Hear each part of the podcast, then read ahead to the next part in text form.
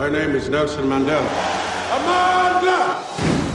Die ANC swaargewig, Tokyo Sekwale, het die verrigtinge geopen met die woorde dat oud-president Mandela se gesondheid nog stabiel is en dat hy nie siek is nie, net oud. Sekwale was vol grappies en het selfs vir die vervaardiger, Anand Singh, gevra hoekom hy nie in die fliek is nie. Now, one of the reasons I'm not in this movie is because my movie is the long walk to freedom, subtitled What Mandela Left Out in His Book. Maar daarna het dinge ernstig geraak met Zinzi Mandela wat op 'n stadium tranerig vertel het hoe die fliek haar herinner het aan al die kinderjare wat sy sonder haar pa moes deurbring. Singh sê Mandela het spesifiek vir hom gevra om geen buitelandse beleggers vir die fliek te kry nie en daarom het dit baie langer geneem om fondse in te samel. The budget was $35 million, which is small compared to a Hollywood film, but really something that we've created which would have cost 150 if an American studio did it. Nog uitdagings was dit hulle stel van Robben Eiland by die Kaapstad ateljee's moes bou omdat hulle nie 'n wêrelderfenisterrein met die fliekse vervulling kon ontwrig nie. My lord, it is not I but the government that should plead guilty. Baie van die vrae by die konferensie het vanuit Britse media geleedere gekom omdat die regisseur Justin Chadwick en hoofakteurs Idris Alba en Naomi Harris uit Brittanje kom. Die korrespondent van Sky News in Johannesburg, Alex Crawford, sê daar is baie belangstelling in die fliek People throughout the world are very interested in Nelson Mandela, and any story which portrays the love story that is Nelson and Winnie gets a lot of hits. You are Winnie Madikazela, and you are the most beautiful girl I've ever seen.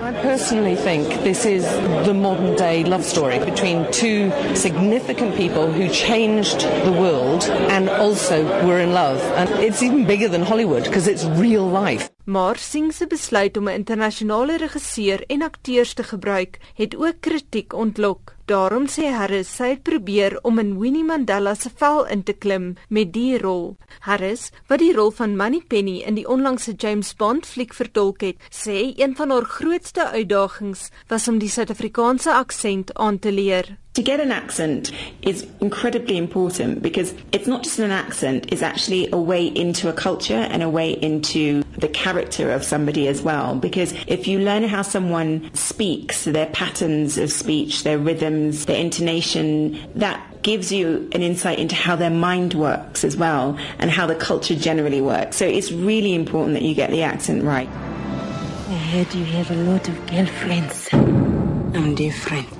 Sy en Alba wat Mandela vertolk, het ook gedurende die produksieproses slegs in hulle Suid-Afrikaanse aksente met mekaar gepraat. Chadwick sê hierdie egtheid was baie belangrik, veral in tonele waar hulle gewone mense as extras gebruik het. If you're an actor walking onto a stage and you're having to be Mandela, who half of that crowd have been there when he's giving speeches, so there's no escape. They will not take it if that actor is acting. They have to be truthful. So it gave an immediacy to the film. If you watch the film and look at the crowd, the crowd are just as important as the main players. Those shots that you're seeing 5,000 people every single person is in the moment of that. Chadwick hoogtepunte toneel wat hulle in vervilm het. We put these speakers up in the street. We started to play music within five minutes. There must have been 10,000 people on that street. I got lost with my cameraman. I was passing in the rolls of film. We were shooting. And my line producer eventually found me through this crowd and was going, We've got to have release forms from every single person that's involved. There must have been 10,000 people out there. Exhilarating. Maar die fliek vertel 'n geskiedkundige storie wat maklik in die slaggat kon trap om mense as helde of vyande uit te beeld. Chadwick sê hy het probeer om dit sensitief te benader. I hope that Afrikaans people watch this movie and see the truth in it and hope that they feel it's even-handedly portrayed. This is Mandela's story, but I interviewed a lot of Afrikaans people and it's inspiring to think that Mandela comes out in his 70s and with those men and women was able to turn this country from the teetering point of a bloodbath to a peaceful transition of democracy. And that is a lesson for the world. And I'm indebted to the Afrikaans men and women that helped me portray the truth of that. I really am. Mandela Long Walk to Freedom word aan die einde van die maand in Suid-Afrika vrygestel.